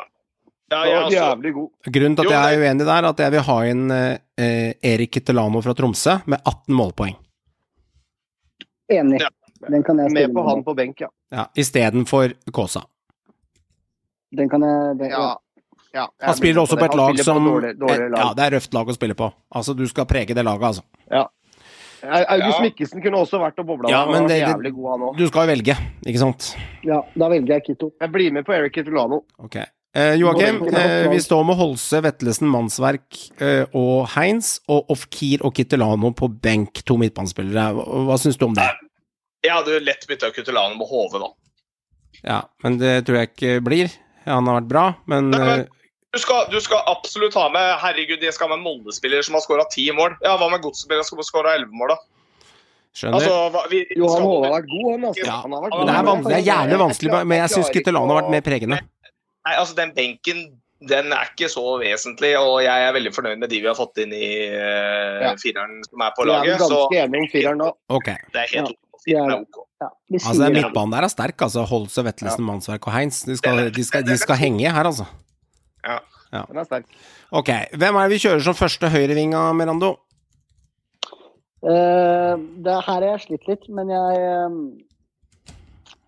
Jeg har faktisk eh, Ja, han er jo egentlig venstre, da. Men eh, nei, vet du hva. Jeg, jeg har kjørt uh, Fofana Tengstedt Pelle foran. Fofana, Tengstedt, Pelle. Ok. Bare kjørt topp tre målkonger uh, Ja. inn, rett og slett. Ja. Og Håvard? Jeg, jeg, eh, jeg vil eh, Jeg, jeg, jeg syns ikke det er noe dårlig forslag mer, men den trioen der Jeg syns Pelle og Tengstedt er bankers. Enig. Og så er jeg, jeg er litt på Ola Brynildsen også. Jeg syns han har vært jævlig god. Han har blitt flytta litt òg, vet du. Ja, men Ola har vært god, ass. Ja. Han har vært jævlig bra, god. og også spilt seg inn på Norge. Det skal vi også ta med her. Mm. Fortjener er Eh. Ola har vært god, altså. Jeg er ikke uenig, i det. har Joakim, hva tenker du? mye vet du, og spilt ikke, har ikke spilt så mange kamper. Men han har vært Altså, jævlig god. Det er ikke noe, altså det er ikke noe sjokk, da. To av plassene er satt. Altså Tengstedt som midtspiss, og så har du eh, Pellegrino på Du mener siden. de- deilig dansken, ikke sant? Ja, jeg skjønner. Ja, ja. Ja. Altså, det er OK. Eh, Jeg hadde også samme som Eran, jeg hadde Fofana med. Eh, Men, det, men jeg har heller ikke noe sånn kjempe Og så er, Hvis du skal gå litt for den 4-3-3-en, så er jo Fofana mer enn midt. Eh, Han er det. Ola er mer riktig, egentlig. Det var skadene som For meg, ja, for, for meg så er jeg litt enig med litt i forhold til det at uh, hvis jeg skal bytte ut en, så bytter jeg ut Fofana. Jeg syns også han egentlig ikke passer helt inn i den treeren foran, fordi han er Han, han skal ta Enig. plassen til Tengseth, og det gjør han ikke. Det gjør han ikke. Jeg Og det gjør ikke Sæter heller, og det gjør ingen andre. Nei. Nei, det det er- det. Sæter er innpå, men Da der tror jeg vi er enige. det er rett og slett bare smaken på fyren etter hvert. Og da, da ble det liksom sånn har Er du, eh, er du, tenker du den treeren med Pelle, Tengstedt og Ola er bra, Krog? Ja, jeg tenker Brynildsen har vært veldig sterk, og han kan spille wing der og spille midtbane og indreløper. Han kan spille så mange roller, så han er perfekt i et sånt Ja, lag. Eh, Pelle, Pelle er selvskreven, og Tengstedt da, han er jo pur magi.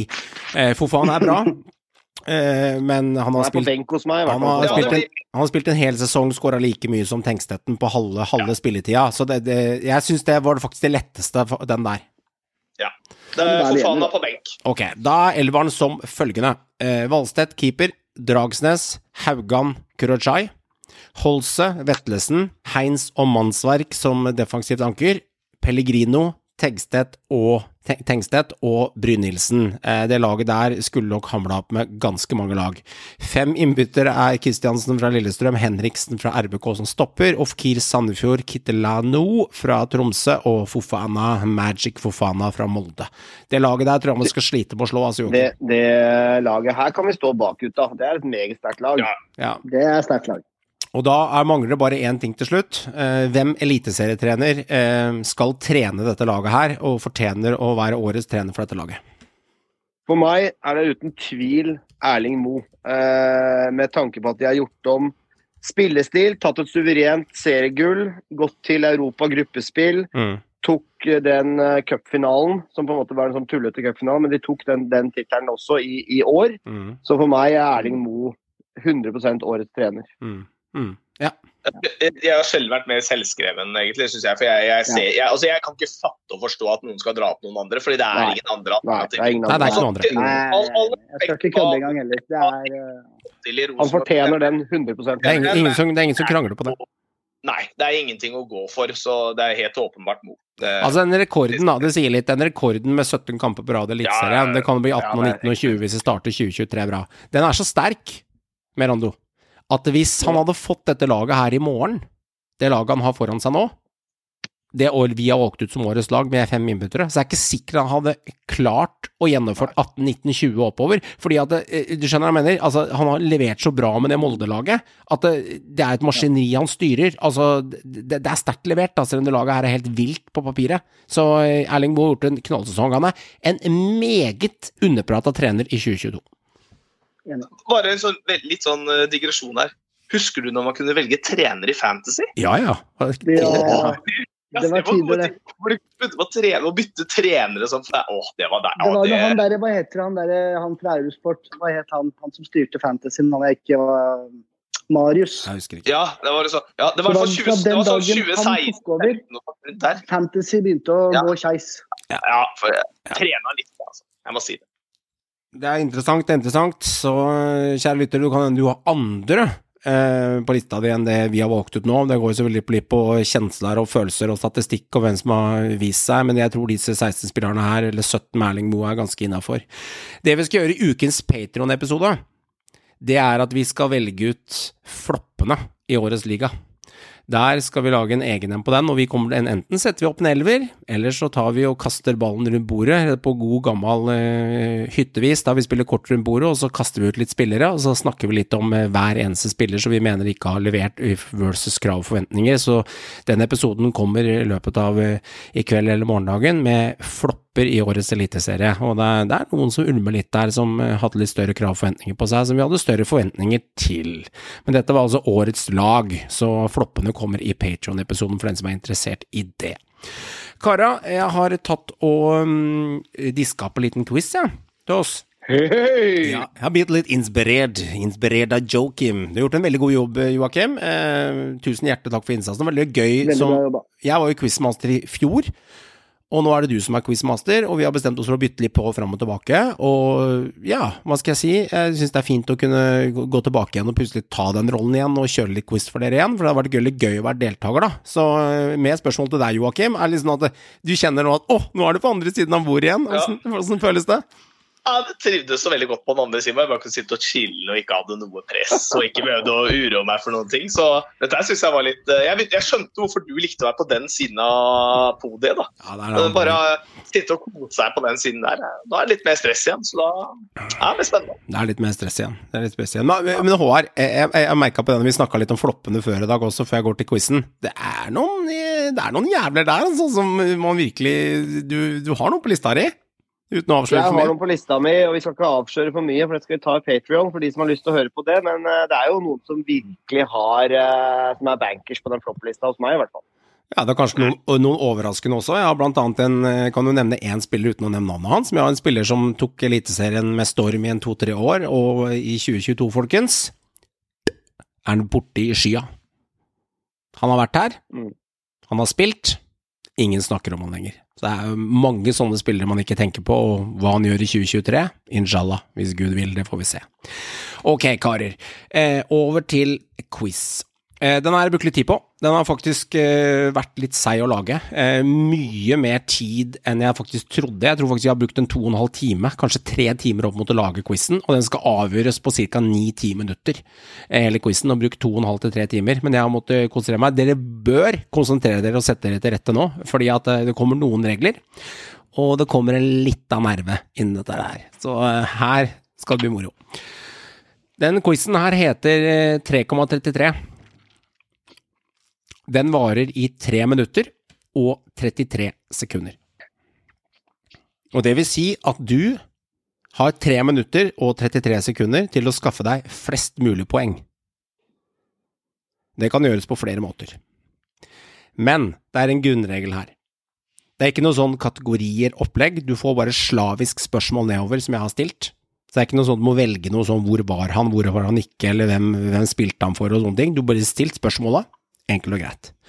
Bra. Alle spørsmålene fra denne quizen omhandler Eliteserien 2022. Jeg gjentar, alle spørsmålene i denne quizen omhandler Eliteserien 2022. Det er ingenting tilbake i tid med Harald Brattbakk, John Carew eller Torstein Helstad. Det handler ingenting om det. Det er kun ferskvare og det som har vært i 2022. Quizen varer i 3 minutter og 33 sekunder. Når det er igjen 33 sekunder av quizen, så kommer Synseliga-introen. Og den kommer dere til å høre. Det er melodien, kjenningsmelodien vår. Så vit at når den kommer på øret ditt, da har du 33 sekunder igjen av quizen. Da må du hurry opp. OK. Det er bare et hint til dere for at dere skal forstå hvor dere er i quizen. Så den varer i 3,33, men 33 sekunder igjen, så kommer Synsligaen. Hvis du har brukt opp alle spørsmålene som jeg stiller, eksempelvis til Joakim, og la oss si du er veldig, veldig rask, og svarer bare Molde, Rosenborg, Viking, HamKam, og er kjemperask på spørsmålene, for hvert 20. sekund du har igjen av quizen, så får du ett poeng i bonus. Så hvis du avgjør hele quizen her på La oss si du avgjør quizen på 2 minutter og 33 sekunder, Joakim, så får du ett poeng for hvert 20. sekund du har igjen. Men du kan maks skaffe deg tre bonuspoeng ved å, ved å runde quizen kjempefort, fordi du har 20 Ja. spørsmål. Og det vil si at hvis du har 20 spørsmål, og du har totalt Jeg skal gjøre regnestykket, så jeg hjelper deg, Håvard Joakim Meran. Hvis dere har 20 spørsmål og har 213 sekunder hver, så har dere i gjennomsnittlig 10,5 sekunder på hvert spørsmål. Cirka 10 sekunder. Så noen spørsmål kan du bruke god tid på, andre spørsmål kan du bare raske på å svare. Men sitter du igjen med tid, så får du ett poeng per 20. sekund. Du kan maks skaffe deg tre bonuspoeng, altså ett minutt, 20, 40, 60. Så det lønner seg å bruke tiden. Det er alt jeg vil si. Det er mer poeng i det. Det første spørsmålet handler om at det er en flying start. Det kan dere få fem poeng for. Resten av spørsmåla nedover er ett poeng per riktig svar. Skjønte dere det? Mm. Så matematisk lønner det seg å være smart på det første spørsmålet, for det betyr ganske mye samlet. Mm. Men treffer du på to riktige svar på det første spørsmålet, så får du to poeng.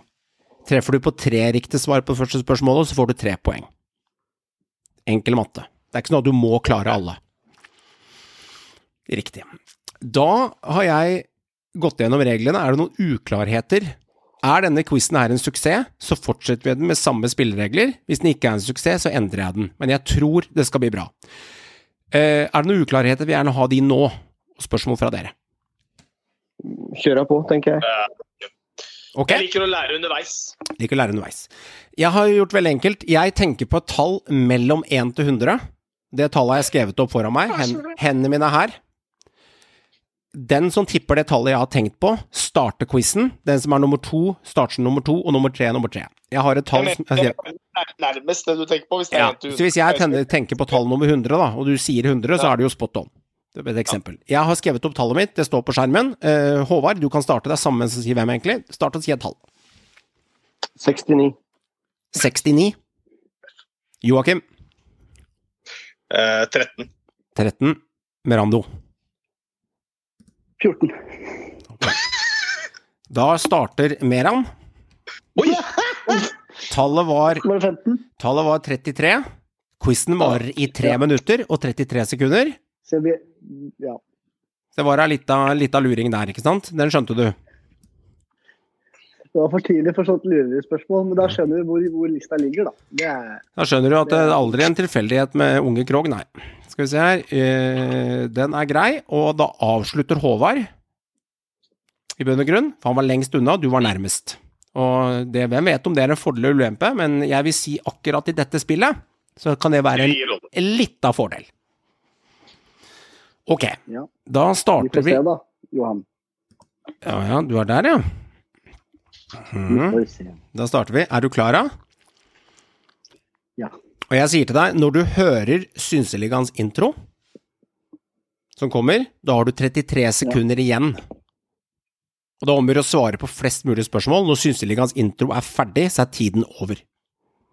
Akkurat. Men er den Synseliga-lyden-introen såpass høy at jeg mister fokus og ikke klarer å tenke? Det får vi se på. Jeg har tatt en test og sjekket den Men ut. det, det er viktig å ta opp, sånn at Ja. jeg ikke får sånn helt Men eh, og, ja, vi får se om du klarer stresstesten. Så får vi se. akkurat. Ja, akkurat. Jeg må Og høre spørsmåla òg, det er viktig. Ja da, når jeg trykker på knappen, så starter vi, og da starter tiden å gå. Og jeg sier 'nå er vi ferdig', men det skjønner du, for da er Synseligaen-introen ferdig. Ja. Mottatt. 3 minutter og 33 sekunder. starter nå. Her er det mulig å hente fem poeng. Hvilket fem lag skåret over 50 mål i år? Oi. Molde, Bodø-Glimt, Rosenborg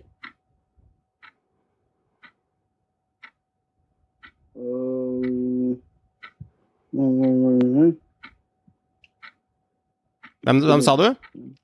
øh, Lillestrøm og Vålerenga. Fire poeng riktig, bomma på Lillestrøm. Sarp var det andre. Én lov er bom. Hvor mange unike keepere fikk rødt kort? Hvor mange unike keepere fikk rødt kort? Ja, én lov er bom. Det lå bom igjen.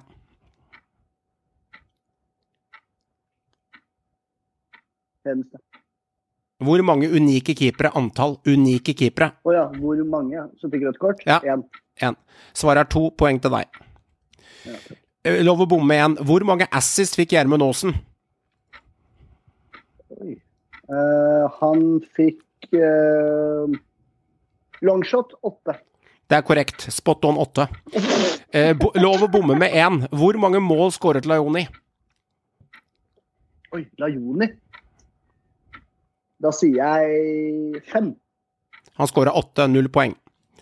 Det er lov å bomme med fem. Hvor mange mål skåret Espejord, Vetlesen og Pelle til sammen? Og es, oi, oi, oi. OK, men han skåra jo 25. Vetlesen skåra vel 15 eller noe sånt. Så, så da er vi på 40 der. Og så skåra sikkert Espejord 3 eller 4, da. Jeg sier eh, 45, jeg. 53, null poeng. Oi. Tre fantasy-spørsmål. Hvilken keeper fikk flest poeng på Fantasy samlet? Hvilken keeper fikk flest målpoeng på Fantasy? Jeg har lyst til å si Hedenstad. Korrekt. Si Hedenstad. Helt riktig. Hvor mange assist fikk Christian Eriksen på Fantasy? Ti. 11. Bom. Valsted i Odd er den mest valgte keeperen på Fantasy i prosent. Er det fleip eller fakta? Det er fakta. Det er fleip. Hagen i HamKam. Akkurat. Ok, vanlig spørsmål. Hvor mange mål skåret Kittilano for Tromsø? Oi. Han hadde i hvert fall 13 målpoeng. Uh, så jeg Ja. Blackjack, vi splitter den i midten, vi. Eh, vi sier sju. Han skåra 13. Han. Hvilken spiller hadde flest målgivende i årets eliteserie? Hvilken spiller Ja, Carlo. Korrekt. Hvem skåret flest mål av Moses Mbaye eller Lars Jørgen Salvesen? Mbaye. Likt. Syv stykk. Hvilket lag hvilket, lag tapp, eh, eh, hvilke to lag tapte ingen kamper i siste ti? Siste ti tapte ingen kamper. To lag. Sarpsborg. Ti er ute. Ja. Hørte du synseliga-avslutninga? Ja, jeg hadde den litt så vidt. Men eh, det var ikke noe forstyrrende. Det var det. Det gikk bra for deg? Ja. Sarpsborg Det- Quizen gikk ikke så bra for meg. Ja, du hadde svart Sarpsborg Det var og jo Sarpsborg og Molde, da. Det var det jeg skulle si før jeg bladde. Det er helt riktig. Du hadde fått poeng på den, men du var ikke rask nok, så da blir det null. Nei. Du kan få halvt, da. Jeg sa jo Sarpsborg. Nei, du må svare korrekt. Ikke noe halve poeng her. Det er ikke noe halve poeng her. Skal vi se, skal vi se, skal vi se. Miranda Det ble vi ikke mye poeng. Du fikk fire, du fikk fem, du fikk seks. Du fikk Kristiansen sju. Du fikk Holse åtte. Og du fikk ingenting på Ebaye og Salves med likt antall. Du fikk åtte poeng. Jeg veit ikke om det er så ille, ja. Du setter en standard. Åtte poeng. Kanskje ikke det er så ille. Nei, altså, ja, det er ingen som. Ingen som vet det. det, det er utgangspunktet satt. Men det er jo klart, treffer du på første spørsmål, så er det fem poeng bare der, da. Ja, ja, men du fikk fire av fem, da. Men du bruker jo også tid på den, så du må jo også tenke beregne tiden, ikke sant? Det er en diskusjon. Jeg trodde jeg skulle egentlig pløye gjennom og få ekstra bonuspoeng for å være for kjapp, ja, men det gikk ikke. Det gikk ikke. Eh, Joakim, hørte du både klokken og Synseligas intro? Gjorde det. Veldig bra. Fint. Da er det Joakim sin tur, eh, og vi er klare. Åtte poeng. Mm. Er du reda? Ja, så klar jeg kan bli. Der kjører vi. Det er mulig å hente fem poeng. Hvilket fem lag tapte under ti kamper i år? Uh, Molde, Glimt, Rosenborg, Lillestrøm og Enga i Tromsø. Korrekt. Fem av fem er riktig. Det er lov å bomme med to. Hvilken keeper hadde flest clean shit?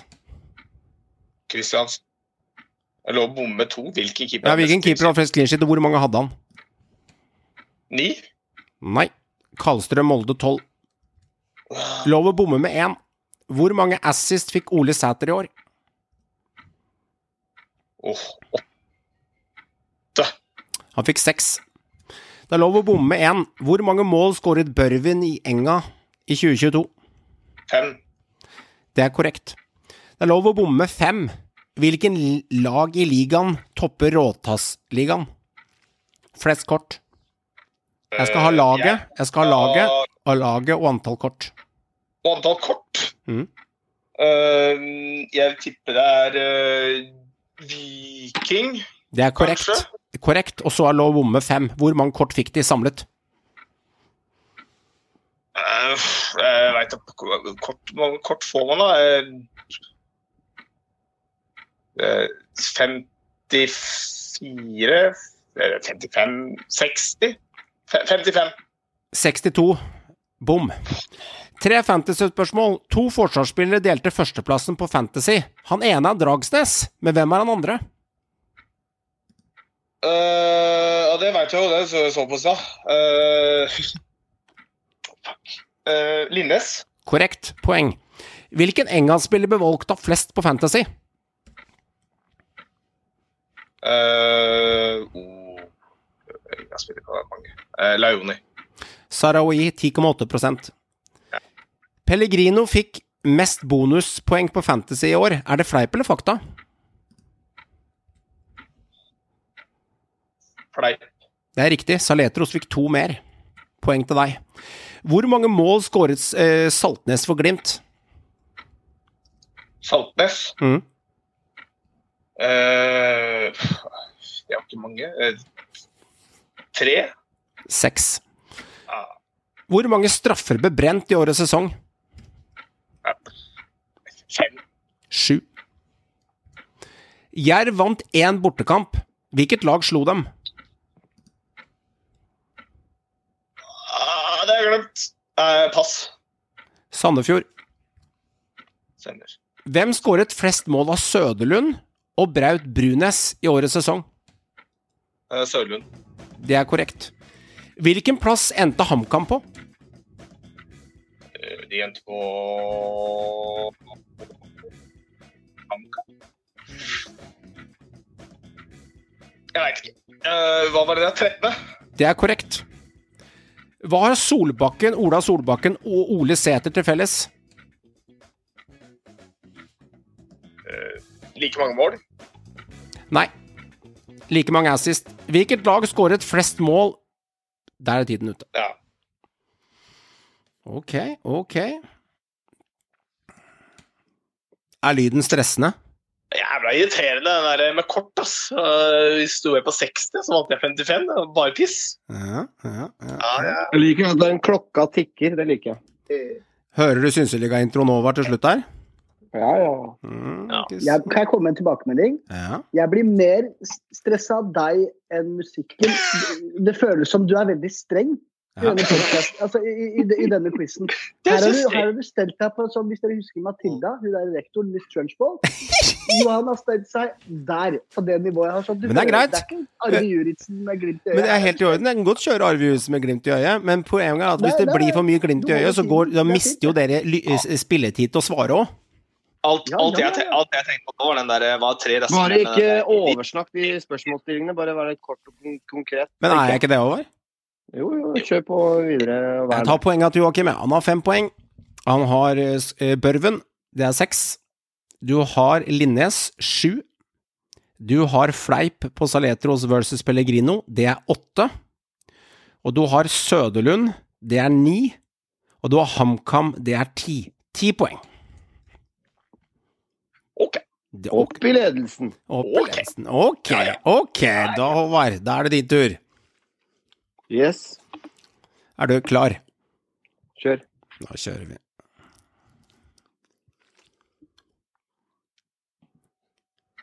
Fem poeng å hente. Hvilken fem klubber endte på mellom 30 til 40 poeng i år ved sluttspilltabell? Oi, oi, oi. Fem klubber. Lillestrøm.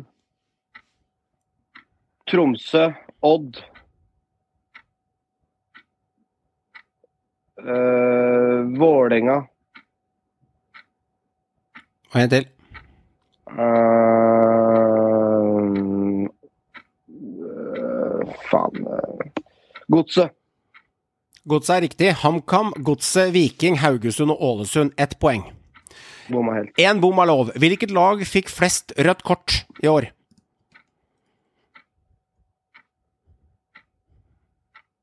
Lillestrøm. Sarp. Fem stykk. Det er lov å bomme med én. Hvor mange assis fikk Bill Alijal? Jeg trenger tallet. Seks. Han fikk én assist. Mm. Lov å bomme med én. Hvor mange mål skåret Mats Sande i Haugesund? Fem. Korrekt. Seks er svaret. Det er lov å bomme med tre. Hvor mange selvmål ble skåret i Eliteserien 2022? Tre bom er lov. Sju. 25. Hæ? Ja. 25 er registrert. Tre fantasy-spørsmål. Hvilken KBK-spiller fikk flest fantasy-poeng i 2022? Bendik Bye. Korrekt. Beste poengspiller på midtbanen er Pellegrino Vetlesen. Hvem ble nummer tre bak disse to? Halse. Heinz. Ja. Tengstedt spilte 15 kamper for RBK, men ble han poengkongen på spissplassen samlet til slutt i Fantasy? Fleip eller fakta? Fleip. Fakta, han slo Fofana med fem poeng. Oi, oi. Vanlig spørsmål, Kvikke. Hvilket lag skåret flest ganger på bortebane? Molde. Glimt. Hvor mange Jesus. mål skåret Jevtovic for Odds ballklubb? Ti. Perfekt ti. Hvilken forsvarsspiller fikk flest gule kort? Kuruchai. Kandiaji fra Ålesund. Hvem skåret flest mål av Johan Hove og Brynildsen? Johan Hove. Samme antall. Feil. Hvilken plass endte Tromsø på?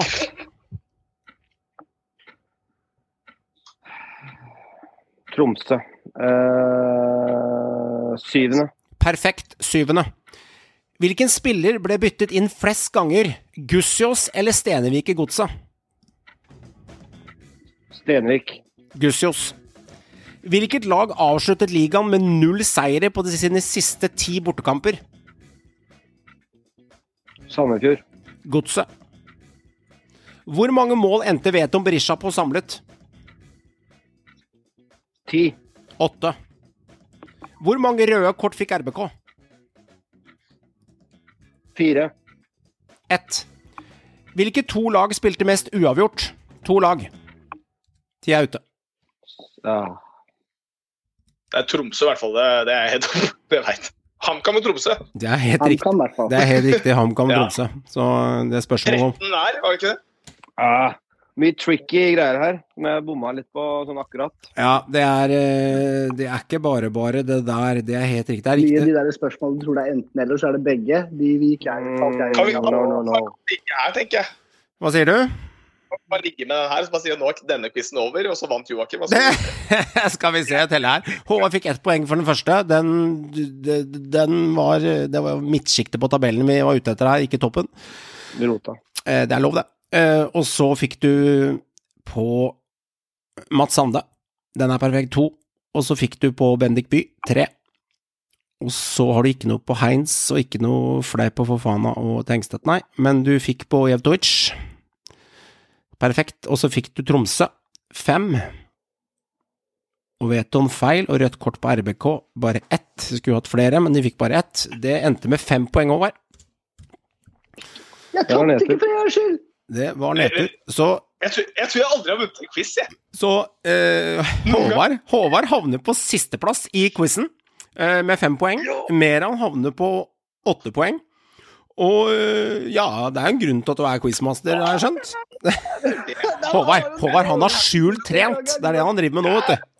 Nei da, men uh, dette her var ikke helt min type spørsmål, for å være helt ærlig på en del Jeg ting. liker at Så unnskyldning kommer med én gang. Jeg ja, ja, men Det- eh, det- det er, bevar meg vel. Du vinner, du. Det skal du få. Så bra jobba. Bra jobba. Veldig happy.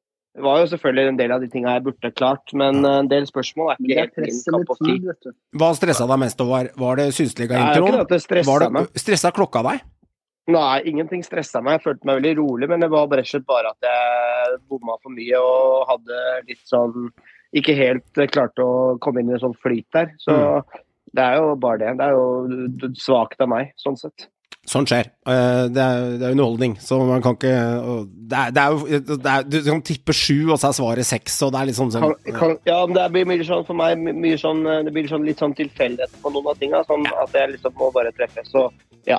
Det er leskunnskap, mye av det, og som, som får med seg litt. Så jeg skjønner den. jeg skjønner den. Håper du likte quizen, kjære lytter, og får med deg Patron-episoden som vi slipper med flopper i årets Eliteserie 2022. Ha en glimrende uke. Vi skal holde koken utover i november og desember, og vi holder selvfølgelig koken eh, hele gjennom hele vinterhalvår, uten med litt av pause over jul der. Da må alle ha litt av, litt av cowboystrekk, men ellers så er Synsligaen på plass av fans for fans. Kos deg masse, og ha en glimrende uke. Hei så lenge. Men eh, vi trenger de poengene vi kan få. og Jeg syns ikke det er noe Det er ikke noe filming, det er det ikke. Men om det er et billig straffe, det må jeg nesten se det igjen. Det er jo ikke noen eliteserien som matcher han som kantspiller, så når han produserer mål i tillegg, så, så er jeg redd han blir for god for Vålerenga. Vetlesen. Oi, oi, oi, oi, oi, oi, oi, Hugo Vetlesen! Har du sett for en? Absolutt. Nei, altså jeg eh, kunne jo hatt eh, fem-seks mål i dag, jeg. Hvis jeg hadde vært litt mer eh, kald og effektiv foran boksen. Uh, what you say about it, there's 100% a penalty. You had a dialogue afterwards with uh, the referee. What The referee, they don't even listen. Thank you.